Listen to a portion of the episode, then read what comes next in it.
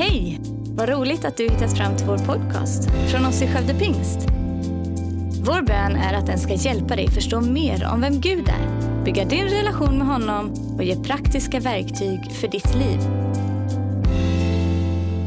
Vad gott att få, få tala och få komma in i den serie som ni har nu och inspirera er. Och egentligen, jag har ju en överskrift som heter Det här är inte rätt, heter överskriften. En lite annorlunda överskrift kanske, men det, så heter den. Och egentligen tänkte jag, egentligen skulle överskriften kunna vara ni är stadens hopp skulle det kunna vara också. Jag kom på det på vägen hit. Ja, det också, men det blir, det blir ändå så. Här. Det här är inte rätt. Det är rätt att ni är här, det är rätt att ni firar gudstjänst, men ni kommer snart förstå vad jag menar med det jag säger. Vi hoppar direkt in i texten. Vi, vi kör på. Är du beredd? Spänn fast säkerhetsbälten, nu, nu, nu kör vi.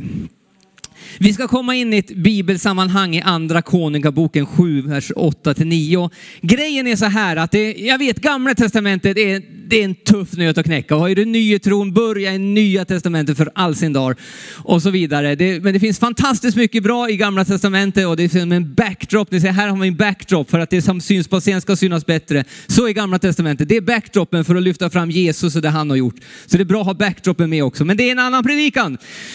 Nu är det så här att arameerna var i krig mot, mot staden Samaria, var, äh, var alltså belägrad av arameerna. Och det var så svår belägring så att det var svält i stan.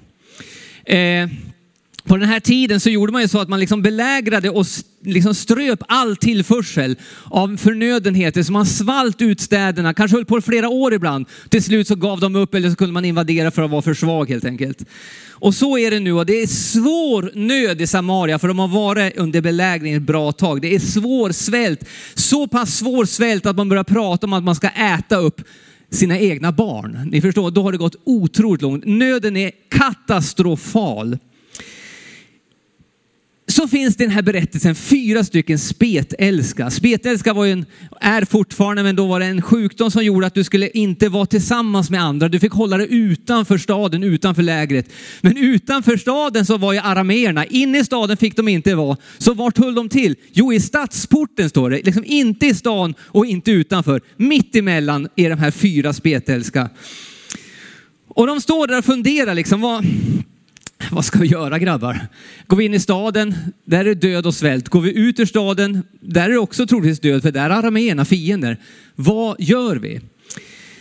De tänker ändå att ja, det är som att välja mellan pest och kolera. Vad ska vi göra? Så de väljer, ja, vi, vi kanske sten, sax, påse, vi tar kolera. Så de tog och tänkte, vi, vi drar ut istället utanför stan och går dit. Det var som ett val mellan död och död. Sen när de kom dit ut, utanför staden, jag ska läsa texten snart, var inte orolig, jag måste bara berätta lite först. Så märker de att det finns inte en kotte där.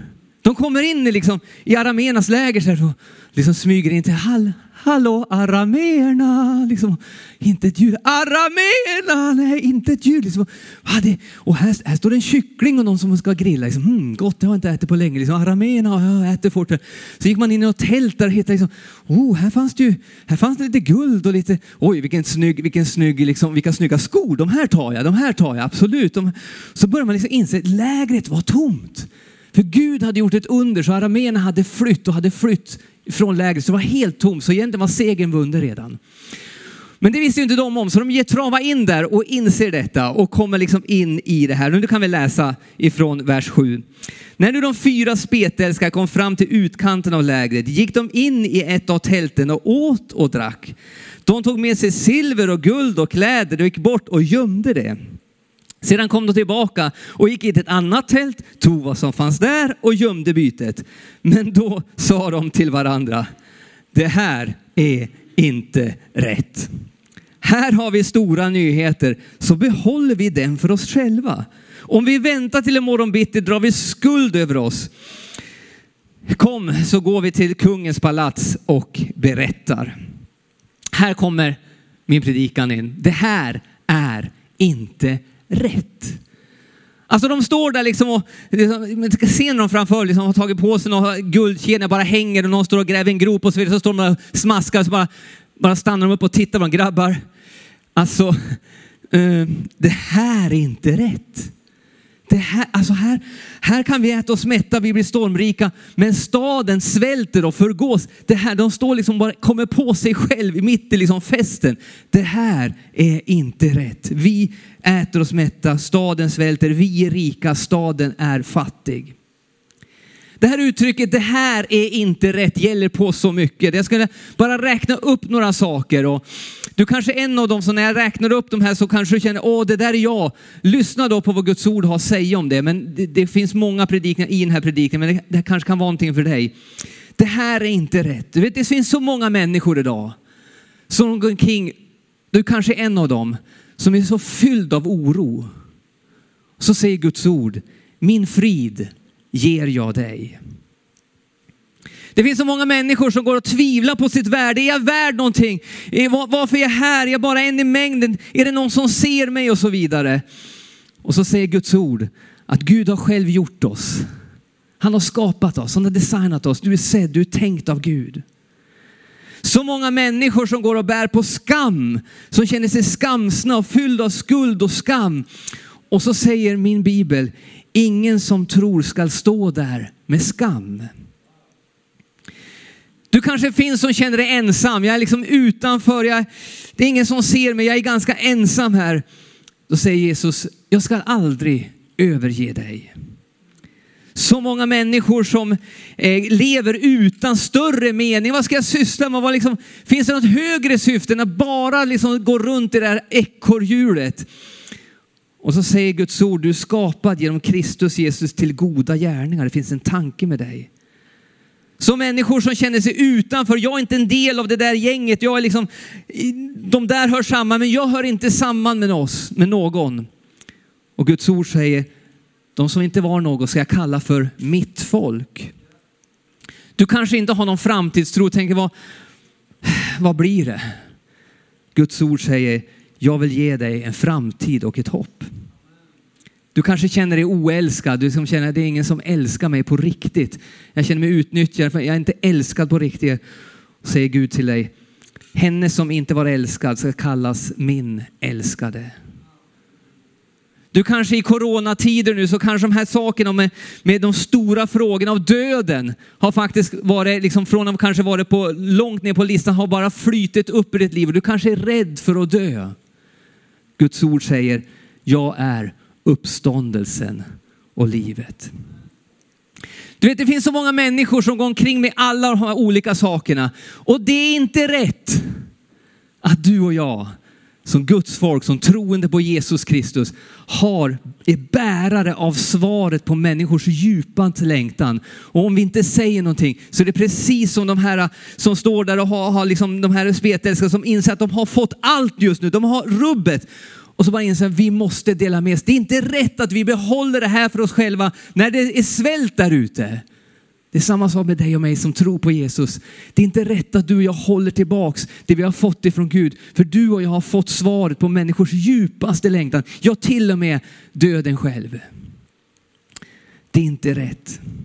Men hur, hur i all sin dag ska vi, och jag förstår det här är en enkel matematik, ja, ja det är klart, har man fått mycket då ska man ge ut det och, och, och det finns människor som behöver det jag har och så vidare. Men hur, hur ska det förmedlas? Hur ska människor få tag i, i, i tron, i hoppet, i Jesus, i allt det här som finns i Jesus Kristus? Hur ska man få tag i det? Jag ska läsa från Romarbrevet 10 och 17 så står det så här. Så bygger tron på förkunnelse och förkunnelse på Kristi ord. Alltså Bibeln säger om en människa ska börja tro på Jesus och få ett förvandlat liv, få hopp och frid och glädje och tillhörighet, allt det här jag räknar upp, få, få liksom det till sig, så måste någon berätta, någon måste förkunna. Predika, ska man kunna säga också. Alltså det här ordet förkunna betyder offentliggöra, berätta. Jag vet inte, då kanske du sitter just nu framför, ja, i någon hubb någonstans eller hemma och tänker, skönt. Det här, han, han, han predikar till predikanter nu. Det är de, det är Simon och några till här som får ta åt sig, för vi talar om att förkunna och predika. Jag är ingen predikant. Ah, vänta en stund. Vänta en stund. Jag ska läsa från Saltaren bland annat. Saltaren 19, 2-5. Himlen förkunnar Guds härlighet. Himlavalven vittnar om hans verk. Dag, och, dag talar till dag därom och natt undervisar natt. Det är inte ett tal, det är inte ett ljud. Deras röst kan höras, men över hela jorden når det ut. Deras röst kan inte höras, men över hela jorden når det ut till världens ände. Det finns en predikan utan ord. Vi kan läsa också i första Korinthierbrevet 11. Jag tror ni firar nattvard den här kyrkan. Ni ska göra det nästa helg. Ni ska fira nattvard. Och vad säger Bibeln om när vi firar nattvard? Jo, det står så här. Var gång ni äter det brödet och dricker den bägare, vad gör vi då? Då förkunnar ni alltså Herrens död till dess han kommer. Med andra ord så är inte bara vårt tal och predikan och det som sker från liksom en sånt här ställe, inte bara det predikan, utan Bibeln kallar faktiskt vårt liv, allt det vi gör är en, för, en förkunnelse, en predikan. Så frågan är, vad predikar du om? Vad predikar du om? Jag vet vem som predikade för mig i alla fall. Det var mina föräldrar. De predikade för mig. Alla åren jag bodde hemma så predikade de. Och jag ska dra några saker nu om vad de predikade om. Du vet, eh, varje söndag så höll de en predikan för mig. Och den predikan var överskriften Jesus är det viktigaste och det bästa som har hänt i våra liv. Därför firar vi honom varje söndag. Jag kan nog räkna, alltså de söndagar vi inte firade gudstjänst kan jag räkna på, min, på halva min vänstra hand liksom. Alltid så firar vi gudstjänst. Och vad, vad, sa den predikan? Jo, det var att man ville fira, man hade upplevt någonting, man ville fördjupa sig i sin tro och man ville träffa kroppen, alltså resten av kyrkan. Söndag efter söndag efter söndag så predikar de. Bara genom att säga, Staffan nu sätter vi oss i bilen, nu åker vi. Och vi hade kyrkor på två olika ställen. Så ibland var det liksom Alsen, ibland var det Yttre och man fick åka. Och vi, och vi kommer in på det lite mer sen. Grejen är, när jag åker till kyrkan ibland i, i Karlstad eh, och när jag bodde i Forshaga så åker man förbi Ikea. Åh, vad den parkeringsplatsen har predikat många gånger. Den har predikat om att det finns fantastiskt mycket bra möbler där, att det finns eh, eh billig varmkorv och glass, att det finns massa bra, alltså en full parkering predikar någonting, säger någonting. Jag vet att det är coronatider nu, men vi kommer ur dem. Och jag skulle bara uppmuntra dig. Vad skulle hända om varenda troende på Jesus i det här landet börjar predika det varje söndag med sin närvaro? Vad skulle hända då? Precis som en full parkeringsplats på Ikea predikar. Tänk om det börjar gå ett rykte. Alltså, alltså tjena vad folk får börja gå i kyrkan här, i det här landet. Alltså, vad, är, vad, är det, vad är, händer i kyrkorna? Du vet, det är en predikan, det är en förkunnelse. Att bara bestämma sig för att göra det. Jag var ute och skulle ta en lunch häromdagen, gick på torget i Karlstad. Eh, och så var det någon sån här lunch, eh, någon food truck av något slag och det fanns liksom, det var tomt där. Det satt ingen, det var något bord där. Och, och så gick jag och köpte och satt mig. Och precis jag har satt mig, då kom det någon annan och satt sig och köpte också. Jag säger inte att det var jag som var den stora reklampelaren, men det säger någonting. När du ser någon annan göra någonting så blir du nyfiken på det som de gör och undrar varför de gör det. Ja, men den där maten som säljs, kanske inte är så dum. Han åt ju den, kanske jag också. Du vet, du predikar med ditt liv. Ditt liv säger någonting och de predikade varenda söndag, söndag ut och söndag in. Att Jesus är viktig, honom vill vi fira minst en gång i veckan. De predikade också på ett annat sätt med en sliten bibel och att jag hörde när de bad tillsammans. De predikade vecka ut och vecka in genom att läsa sin bibel och be tillsammans. Vad, vad handlar den predikan om? Jo, den handlar om att de hade en längtan efter att lära känna Gud och längtan att få samtala med honom, fördjupa sig, komma nära honom och att de hade saker och behov som de behövde be för. Det var en predikan som de predikade vecka ut och vecka in. De sökte Herrens närvaro. De sökte hans ord. De hade en hunger efter honom. Det sa någonting till mig. Det där är något viktigt. Mamma och pappa hungrar efter det. Det är värt att satsa på. De predikade genom en sliten bibel och att de bad tillsammans. I vårt vardagsrum eh, så fanns det en, ja, chiffonier, vad heter ja, Man viker ut den där och så är det några lådor och grejer. En gammal, gammaldags möbel av något slag. Och i en av lådorna där, där vet jag låg plånboken med tiondet. Det var ju så på den, man swishade inte och man liksom, utan när lönen kom så la de in 10 procent av sin inkomst i den plånboken och sen hade man med sig de pengarna till det speciella gudstjänsten som hette församlingsmötet på den tiden och så gav man det. Och jag visste att i den där sekretären, eller vad det kallas, där låg den där plånboken. Så den där plånboken, den där sekretären, den predikade för mig gång efter gång. Att mamma och pappa tror på någonting. De lever för någonting större. Och de var så tacksam för det Gud hade gjort för dem som ville ge tillbaka till Gud. Och predikan sa också att det vi har fått är inte vårt. Vi är bara här för att, för att ta hand om det ett tag. Allt har vi fått ifrån Gud och därför vill vi ge tillbaks till hans verk. Och det, den här predikan sa också att vi bygger inte vårt rike utan vi bygger ett större rike. Vi är en del av någonting större. Vi bygger Guds rike. Mamma och pappa var hårt arbetande. Eh, mamma var på posten, pappa var svetsare och de slet verkligen för att, liksom, för att vi skulle få det bra och kunna åka på någon liten semester och så vidare. Jag vet att de slet hårt, men de tummade inte på att de investerade i någonting som var större än de själva. Söndag efter söndag, år ut och år in. De predikade också genom att de gav av sin tid och sitt kunnande. De investerar tid i Guds församling. Och vad, vad, vad sa den predikan? Jo, att Guds församling är världens hopp. Och det är viktigt att vara med. Bibeln säger så här om Guds församling, att det är sanningens pelare och grundval. Du vet, ni här, kyrkan här tillsammans med de andra kyrkorna är sanningens pelare och grundval i Skövde med omnejd. Det är något viktigt. Det är oerhört viktigt och det predikar de om. Genom att de investerade i sin tid, sina gåvor, sina talanger så var de med och byggde, byggde det som de tyckte var viktigast i hela sitt liv. Sen var det ju så här att eh, som sagt när vi skulle åka på de där eh, gudstjänsterna så vi åkte aldrig själv i bilen. Jag har inget minne av att vi åker själv någon gång utan det var alltid någon vi skulle hämta upp. Det var någon tant, det var någon farbror någonstans som man hämtade upp. För vi hade liksom gudstjänst på två olika ställen. Och så fort vi åkte dit, ja men då var det dem man skulle hängt upp. Och åker man dit så var det dem man skulle hängt upp. Och ofta var det ju så att jag och min bror, vi satt liksom, det fick man ju då, men inte vi satt liksom i skuffen där bak, liksom, där hundarna sitter. Där satt vi. Så alltid var det, nu får hundarna hoppa in. Och så satt liksom Oskar och några tanter runt om, så satt de där och åkte. Hade alltid någon med sig i bilen. Vad predikar det om? Att om man älskar Gud så hjälper man andra. Man ser inte på till sitt eget bästa, åh vad bra nu kommer jag till kyrkan, utan finns det någon jag kan hjälpa här? Finns det något jag kan ställa upp med? Hade alltid ögon för att hjälpa och se någon annan. Och att, att tänka alltid att det finns alltid plats för en till och en till och en till. De var liksom inte bara, ja men nu åker vi och vår familj här, utan det alltid var det nya människor med. Det var människor i vår bil. Vi åkte alltid trångt till gudstjänsten.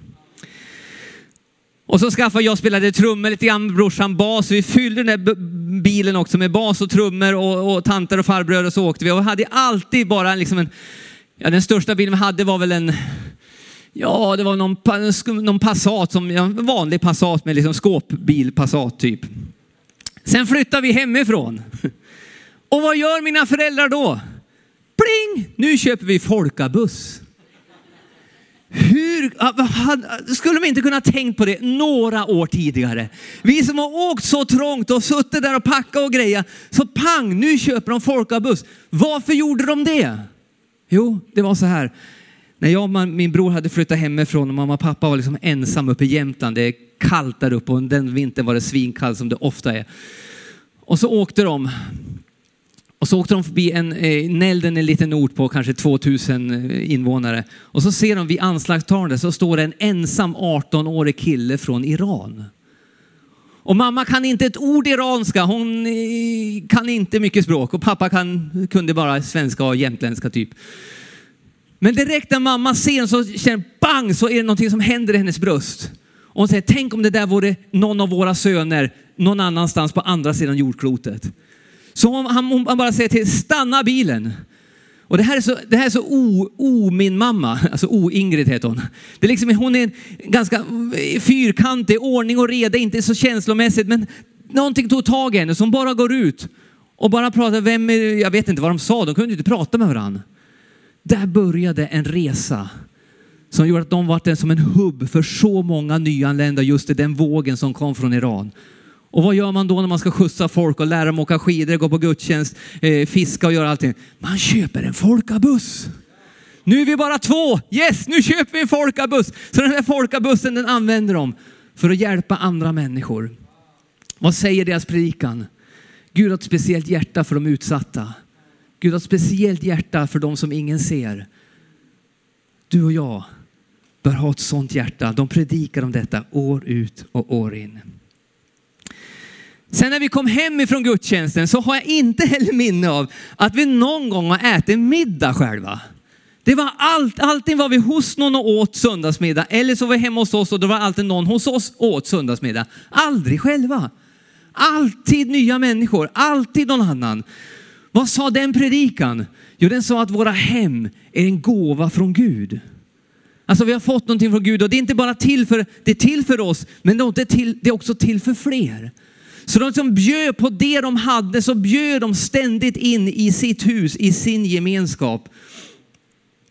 Det sa också att, de predikade också om att Gud, han är en generös Gud.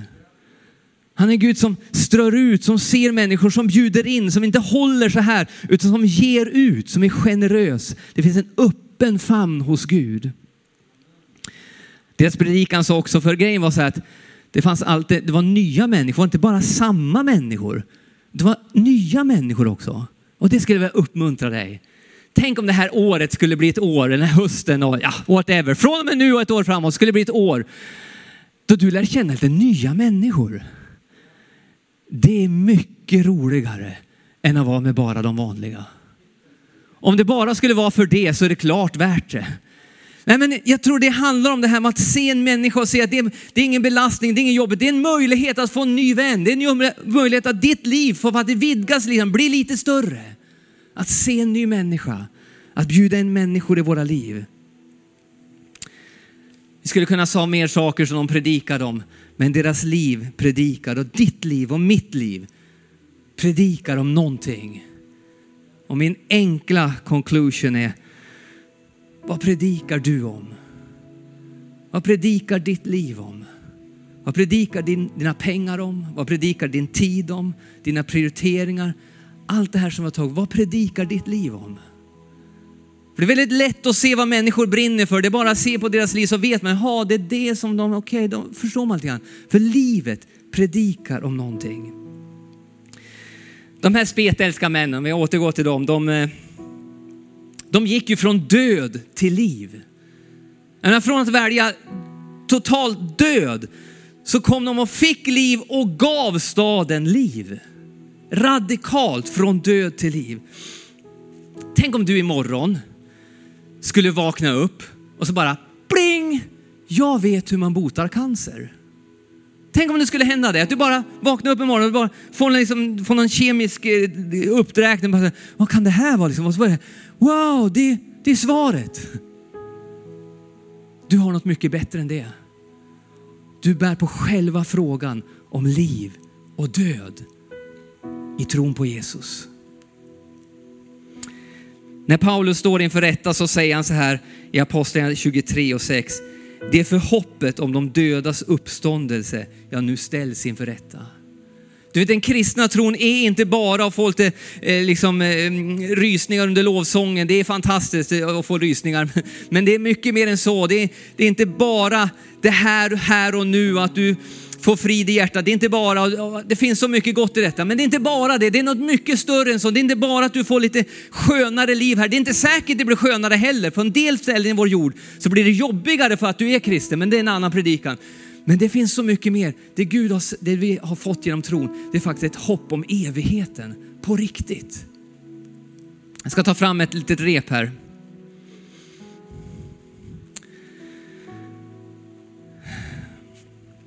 Det här repet representerar våra liv. Det är tio meter. Det här är evigheten, men det här, början av repet, det är våra liv. Och min, min, min bibel säger att det här våra liv är ganska kort, men evigheten är förfärligt lång. Det finns så mycket mer. Men om du och jag bara lever för de här åren och inte ser det som kommer, då kommer det påverka våra liv och våra val ganska mycket. Jag, eh, jag kommer från, jag bodde i en ställe som heter Molkom och där fanns en Molkoms marknad. Det var liksom en jätteliten marknad med en liten karusell som gick som tre varv för 30 spänn. Så här bara, jätteroligt va? Och, tänk om det vore så att man tänker, om du visste att dagen efter du är på Marklands marknad så ska du till Euro Disneyland. Men du säger, nej men jag måste åka den här. Åh, ja, men snälla mamma, jag måste få åka den här. Jag älskar att åka den här. Ja, men vi ska ju till Disneyland imorgon. Kan du inte stå över det och göra något vettigare den här dagen? Vi ska ju dit liksom. Nej, men jag måste bara åka den här lilla. Men vi ska ju till Disneyland. Vad är det för fel på dig? Så finns det många människor som lever idag. Du ska till Disneyland. Se till att du inte lever för mycket för den här tiden. Du vet, när du kommer hit kommer du inte längta tillbaks hit. Så många människor som lever bara för den här tiden. Vad skulle hända i ditt liv om du börjar leva mer för det här? Vilka val skulle du ta? Hur skulle du prioritera om det här var mer i blickfånget än bara det här? Sen finns något väldigt allvarligt i det här också. Det är den här stumpen som avgör den här. Det är den här stumpen som blir avgörande för hur den här blir. Nu vill jag vända mig speciellt till dig som kanske inte har en tro på Jesus och jag vet inte, du kanske i de här coronatiderna var det speciellt fundera på döden och de här stora frågorna. Och det är allvarliga frågor. Vi ska, ta, vi ska inte ta lätt på det. Det är seriösa frågor. Jag håller verkligen med om det. Men jag har ett sånt erbjudande till dig idag. Att när du tar emot Jesus Kristus så förlängs ditt liv med evigheten själv. Och du behöver inte frukta det som kommer, utan du kan känna frid och det kommer skapa så mycket frid. Du kommer njuta så mycket mer av livet när du vet att det tar inte slut, för det tar det slut där, då är det så mycket vi bara måste hinna med. Åh, vi måste, det är så viktigt och det där och allt det. Men man vet bara, wow, det kommer mer. Det ger något helt annat. Så jag bara uppmuntrar dig som har en tro, lev inte bara för de här korta åren, lev för någonting större. Tack för att du lyssnat. Dela gärna podden med dina vänner och glöm inte att prenumerera så du inte missar nästa predikan. Om du har några frågor eller vill att vi ska be eller tacka för något tillsammans med dig så får du gärna höra av dig till kyrkan skövdepingst.se. För oss är veckans höjdpunkt söndagens gudstjänst och det vore så kul att träffa dig där. Våra team finns då redo att ta emot dig och det finns även egna samlingar för barnen. Du hittar mer information om oss, vilka vi är och våra olika mötesplatser på skövdepingst.se. Gud välsigne dig och ha en fortsatt bra vecka.